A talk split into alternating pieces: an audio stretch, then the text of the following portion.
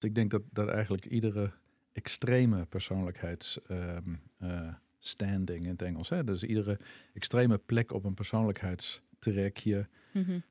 waarschijnlijk meer kwetsbaar maakt. Dus als je denkt aan heel hoog op neuroticisme of negatieve emotionaliteit, dan ben je waarschijnlijk meer kwetsbaar voor het ontwikkelen van angststoornissen. eh, of eh, misschien zelfs wel helemaal dat cluster van eh, emotioneel internaliserende stoornissen. Welkom bij de Pearson Podcast. In deze podcast nemen we je mee in de wereld van diagnostiek en behandeling binnen de geestelijke gezondheidszorg. Ik ben Meerte Wildenbeest, psycholoog en productadviseur bij Pearson en ik interview professionals uit het werkveld om antwoord te geven op vele brandende vragen.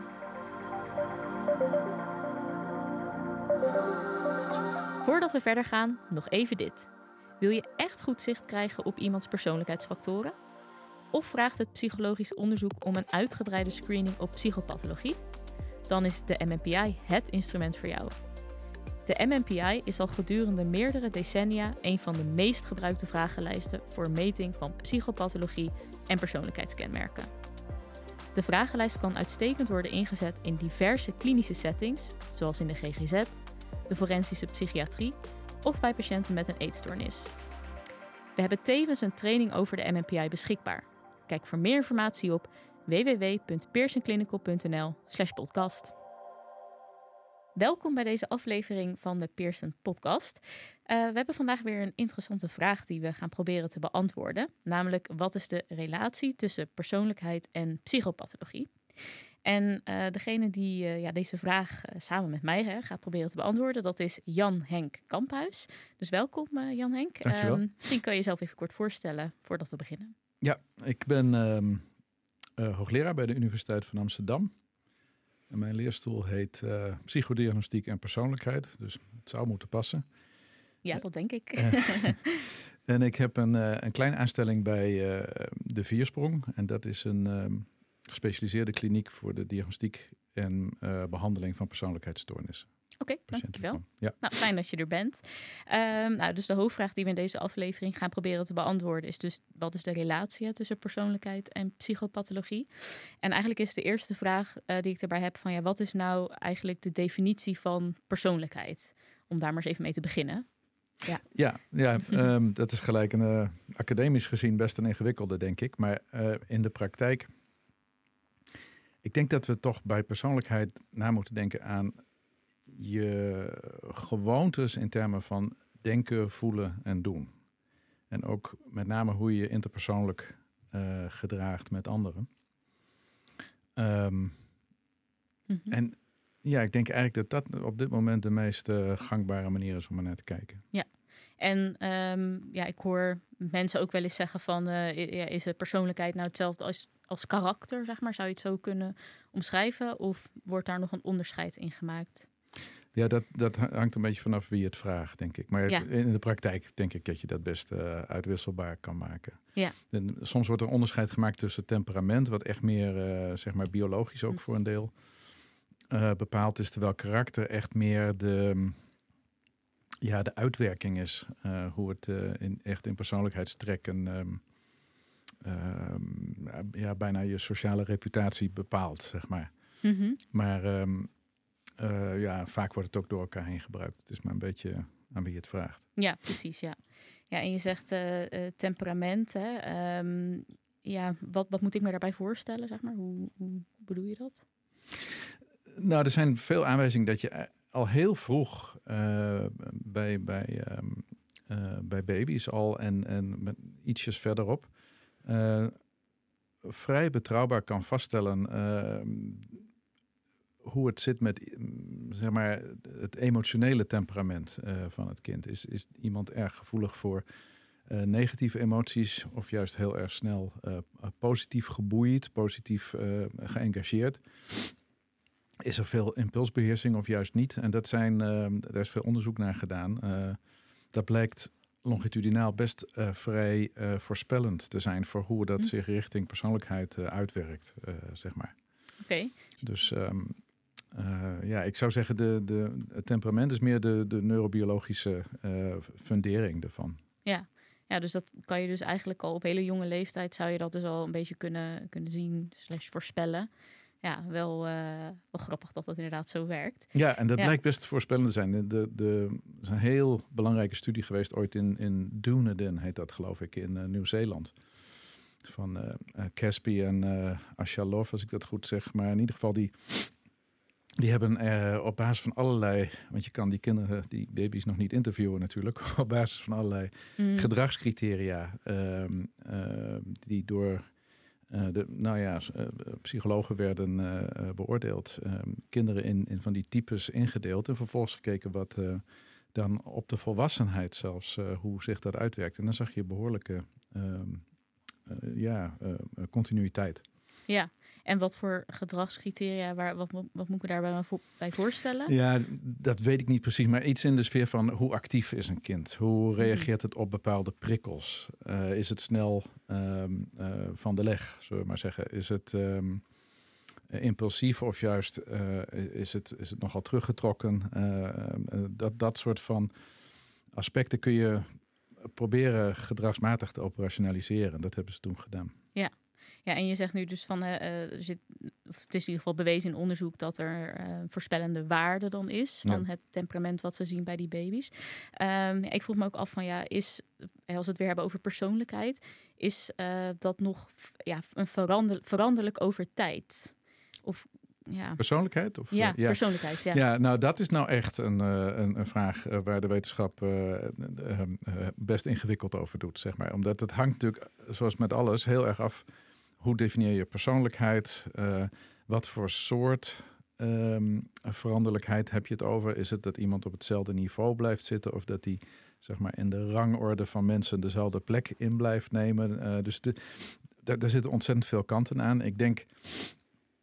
Um, vroeger was de, de, de, de een quote van Elport was van na je dertigste is persoonlijkheid als iets wat vaststaat in, mm -hmm. uh, in plaster. Wat, wat is dat in het Nederlands? Pleister uh, of in beton? Ja, zoiets. zoiets. Ja. ja, ja oké.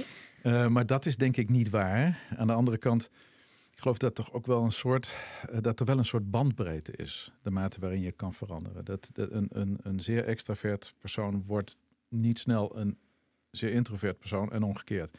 Mm uh, dus er is wel een, uh, ik denk dat er veranderruimte is, afhankelijk van wat je allemaal meemaakt. Misschien en met welke mensen je omgaat uh, enzovoort. Um, maar ja, dat, dat weet je ook wel vanuit je eigen werkelijkheid. Van de meeste mensen herken je toch echt wel terug qua ja. hun, hun patronen van denken, voelen en doen. Ja, ja je, er zijn wel eens mensen die dan vragen van, vind je nou dat je erg bent veranderd gedurende de tijd? Dan denk ik, ja, enerzijds misschien wel, maar anderzijds in de kern ja, blijf je misschien ook wel een beetje dezelfde. Ja, en dat is ook inderdaad hoe je persoonlijkheid dan definieert. Want eh, soms wordt bij persoonlijkheid ook wel betrokken je, zeg maar, je, je um, identiteit, hè, je persoonlijk narratief. Nou, dat kan nog behoorlijk zich ontwikkelen natuurlijk. Op, op dat niveau kan het, kan het behoorlijk uh, gaan schuiven op basis van wat je, wat je meemaakt. Um, maar op dat meer temperamentsniveau, wat ook voor een deel in je zenuwstelsel en misschien hormonaal en zo mede bepaald is, mm -hmm. is dat een stuk lastiger. Ja, ja. Het blijft een uh, lastig concept om misschien heel makkelijk ja. te omschrijven. Hè, persoonlijkheid, ja, begrijpelijk. Um, ja, en, en ik vroeg me af, hè, want we gaan het dus ook een beetje hebben over psychopathologie nu. Zijn er bepaalde uh, trekken in iemands persoonlijkheid, uh, waarbij je kan zeggen van ja, dat is een, een risicofactor voor het ontwikkelen van uh, ja, psychopathologie. Besta bestaat er zoiets? Ja, dat denk ik zeker. Um, en uh, kort door de bocht, ik denk dat, dat eigenlijk iedere extreme persoonlijkheidsstanding um, in het Engels, hè, dus iedere extreme plek op een persoonlijkheidstrek je mm -hmm. waarschijnlijk meer kwetsbaar maakt. Dus als je denkt aan heel hoog op neuroticisme of negatieve emotionaliteit, dan ben je waarschijnlijk meer kwetsbaar voor het ontwikkelen van angststoornissen. Uh, of uh, misschien zelfs wel helemaal dat cluster van uh, emotioneel internaliserende stoornissen. Mm -hmm. Als je heel erg laag zit op impulsbeheersing, dan zit het weer, um, um, is het weer meer waarschijnlijk dat je externaliserende stoornissen kunt gaan ontwikkelen. Dus misschien verslaving.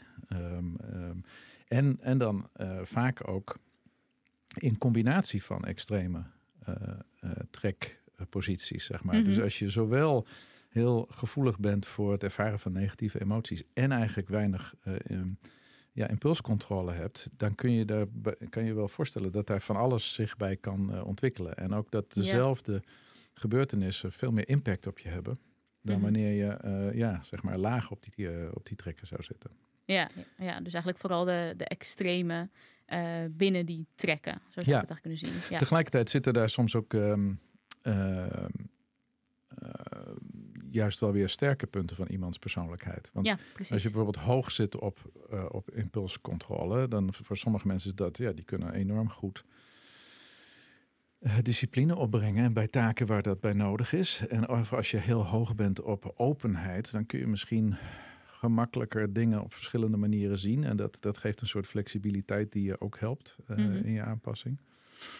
Uh, dus het is niet zo heel um, uh, recht toe, recht aan. Maar ik denk wel dat naarmate je persoonlijkheid extremer is, ja, je in minder omgevingen gemakkelijk uh, draait, gemakkelijk functioneert. Ja, heeft dat dan ook een beetje te maken met uh, ja, aanpassingsvermogen, zeg maar? Ja, denk ik ja. Ja, ja. ja. ja.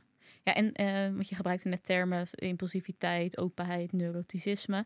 Um, ja, haal je die termen uit een bepaald model van persoonlijkheid dat je het op die manier omschrijft? Of is het een samenraapsel van. Ik herken al wat dingen van de Big Five, geloof ik. Hè? Maar verder, ja. Ja, veel van die modellen die convergeren eigenlijk wel een beetje. Dus neuroticisme, dat komt in een of andere vorm uh, in alle modellen wel voor. Dus um, ja. dan soms heet het negatieve emotionaliteit, soms heet het neuroticisme ongeveer hetzelfde.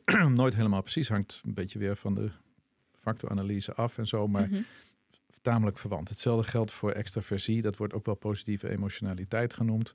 Of, of ze draaien het om en dan wordt het introversie. Er zijn allerlei termen die ongeveer, maar niet precies, en dat komt er dan toch wel op aan als je onderzoek doet. Ja. Maar um, die, die ongeveer hetzelfde uh, meten. Maar ja, dit, dit zou bij de Big Five kunnen, maar het zou ook bij de um, gewoon bij de MMPI, de, de sci-fi uh, kunnen dat wat meer gaat over persoonlijkheidspathologie, maar, maar tamelijk vergelijkbaar is qua uh, uh, onderliggende trekken. Ja, ja. En uh, ja, er zijn nog allerlei instrumenten die ongeveer die, ja, meestal tussen de drie en de zeven trekken pakken. Ja, precies. Ja. En um, de Big Five, ja, ik herken dat nog van mijn uh, studietijd al wel een tijdje geleden. Maar dat is dus eigenlijk nog best wel um, ja, actueel, zeg maar, dat het op die manier wordt, uh, wordt gebruikt. Ja, ja er zijn uh, best veel mensen die vinden dat dat het consensusmodel is, zeg maar. Ja. En dat, dat wil niet zeggen dat dat de juiste oplossing is, maar je kunt omhoog gaan en het nog algemener maken. En je kunt omlaag gaan en specifieker maken. En het, het kan ook de ene zeg maar, de ene trek in de Big Five is beter gefundeerd dan de andere en zo. Maar toch voor heel veel onderzoek geldt het wel als, uh, nou, dat is een goede uh, startpositie, zeg maar. Ja. Ja, en um, we hadden het net over die persoonlijkheidstrekken, die, uh, ja, dus de extreme persoonlijkheidstrekken die dan kunnen zorgen voor dat je gevoeliger bent voor het ontwikkelen van psychopathologie. Maar je hebt dus ook beschermende uh, trekken, om het maar even zo te noemen. Uh, stel nou, misschien is dat een beetje een gekke vraag hoor, maar stel nou dat er iemand is die helemaal uh, geen extreme heeft. Mm -hmm. um, ja, kan diegene dan alsnog psychopathologie ontwikkelen? ja, ja. ja, dat is een leuke vraag. Um, ja, dat denk ik wel. Ik bedoel, het is niet zo mm. dat, dat uh, uh, overal gemiddeld op zijn je in en als het ware tegen het uh, ontwikkelen van, van psychopathologie. Zo denk ik dat het ook weer niet zit.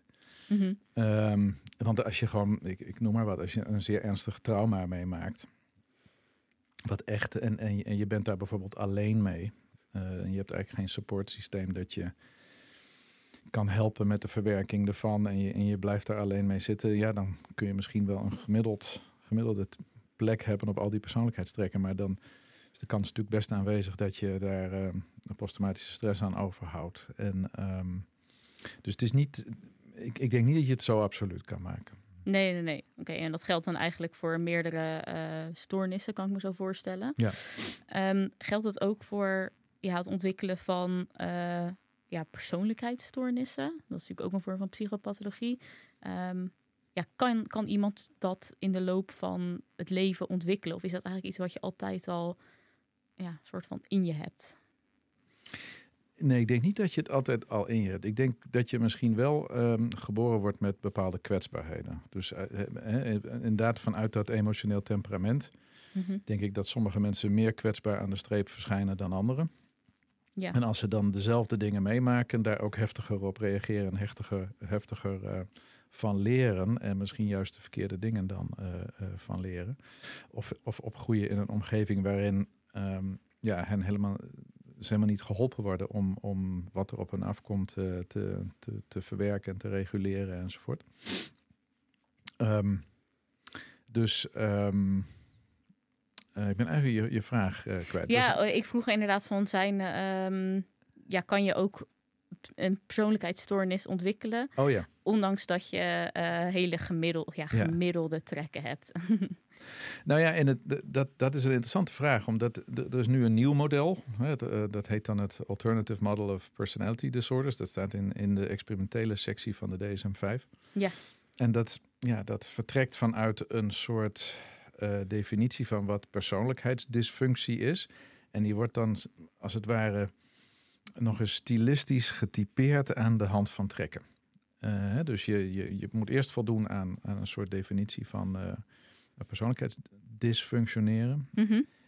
En dan is, is het criterium B is van en met welke extreme trekken is dat dan? En is de veronderstelling eigenlijk wel dat je toch één of meer ehm, extreme trekken hebt, die, die er als het ware helpen om die persoonlijkheidspathologie te, te typeren. Mhm. Dus volgens dat model eh, is dat onwaarschijnlijk, zeg maar. ja, precies. ja, Dan moet je een extreme trek hebben. ja, daar komt het wel ongeveer Ja. op neer. Ja. Ja, ja. ja en, en je noemde eerder ook hè, van ehm, ehm, een persoon heeft misschien beschermende factoren of die heeft een gemiddelde persoonlijkheidstrekken, geen extreme. Ehm, en sommige mensen hebben juist wel kwetsbaarheden om dat te ontwikkelen. Maar wat voor kwetsbaarheden doel je dan op? Nou, dat is toch een beetje hetzelfde als waar we het eh, eerder over hadden. Van, eh, kwam je aan de streep zeg maar, met een heel gevoelig zenuwstelsel, heel gevoelig zeg maar, voor, voor ehm, ehm, angstreacties, voor schrikreacties, voor ehm, eh, als je meer naar de positieve emotionaliteit gaat, ben je iemand die niet snel ehm, plezier in dingen ontdekt, die niet snel geboeid raakt, niet snel geëngageerd raakt, niet snel zich verbindt met mensen. Mhm. Ehm, eh, ja, dat, dat zijn het soort van kwetsbaarheden. De impulsbeheersing eh, noemde ik.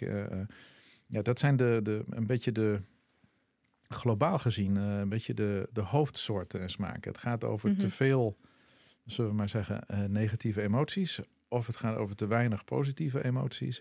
Of het gaat over ja, ongeremd gedrag, zeg maar. Of juist heel erg geïnhibeerd eh, gedrag. Het is eigenlijk gewoon denken, voelen en doen en dan te veel. Ja, Of te ja. weinig. Ja, of juist te weinig, Ja. inderdaad. Ja. Ja. En, en hoe kom je daar nou achter? eh, ja, of hè, stel, ik stel me voor dat eh, een behandelaar heeft een cliënt in de behandelkamer zitten of in, de, in, de, in, de, in het kantoor. Ehm, ja, hoe kom je er dan achter of een cliënt beschermende dan wel risicofactoren in zijn of haar eh, persoonlijkheid heeft? Los van de vraag of er sprake is van een persoonlijkheidsstoornis. Maar ja, hoe, hoe kom je erachter? nou ja, toch diagnostiek. Hè, dus, eh, en, en heel vaak is dat ook de. We, we hebben een beetje, wat misschien niet ideaal is, maar heel vaak een soort drieslag van, van vragen bij, eh, bij psychologisch onderzoek. Eén is van eh, wat is er aan de hand? Hoe kunnen we deze klachten begrijpen? Misschien ook nog een diagnose erbij en zo. Mhm. En dan vaak is een tweede vraag: ehm, zitten er in de persoonlijkheid ehm, eh, kwetsbaarheidsfactoren voor het ontwikkelen van deze problematiek? En dan ga je dus instrumenten afnemen. Mhm. En kijken of, eh, of, of mensen daar inderdaad extreme posities op innemen die begrijpelijk zijn in het licht van de klachten, zeg maar. Ja. Ehm, en dan is de derde vraag meestal, en wat kunnen we eraan doen? Maar ehm, Mhm. eh, ja, ik denk dat. Eh, en dan, ja, er zijn er allerlei instrumenten eh, natuurlijk ehm, eh, te bedenken die, die je nuttig zou kunnen inzetten. En ehm, je zet je eigenlijk altijd dan die instrumenten in? Of kan je ook al gelijk vanuit een intake of anamnese eh, ja, zien van... oh, iemand die waarschijnlijk dit soort eh, trekken of... Ja, Nee, ik denk niet dat je dat echt heel goed.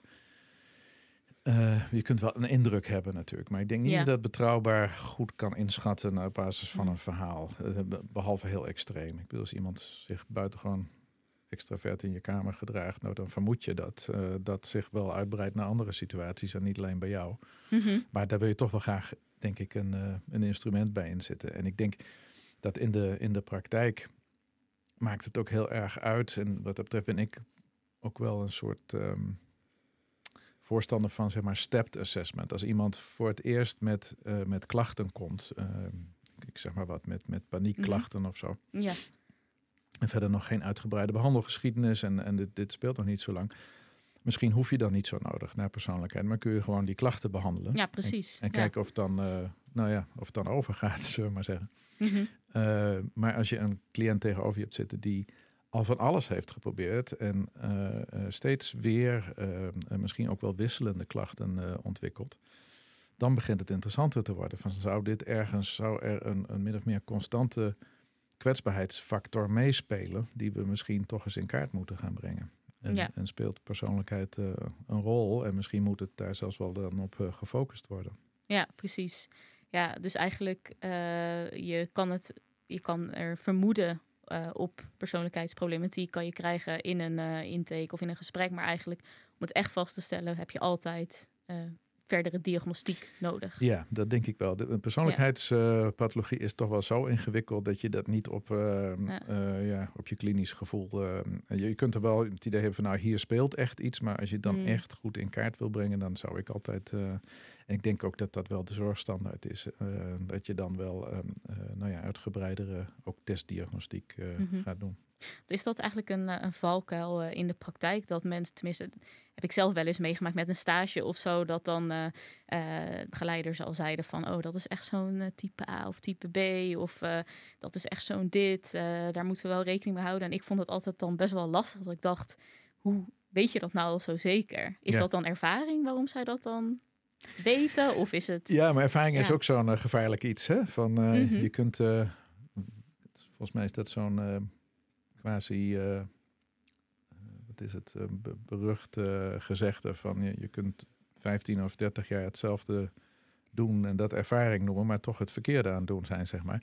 Ik denk um, um, ja, dat het wel verantwoordelijk is om, om niet alleen op je uh, klinische uh, indrukken af te gaan, maar Mhm. ook uh, zeg maar andere manieren van weten, andere vormen van kennis in te zetten om, om tot zo'n nou ja, best verstrekkende diagnose te komen. Ja, precies, want dat is het uiteindelijk wel Ja. natuurlijk. Ja. Ja.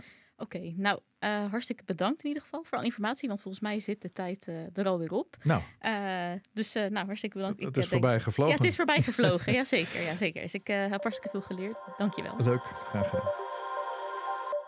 Vond je dit een interessante podcast? Volg dan ons kanaal zodat je op de hoogte blijft van nieuwe afleveringen. En deel de podcast gerust met je collega's als je hem interessant vond. Wil je een vraag insturen of jouw feedback met ons delen? Dan kan dat via pearsonclinical.nl slash podcast.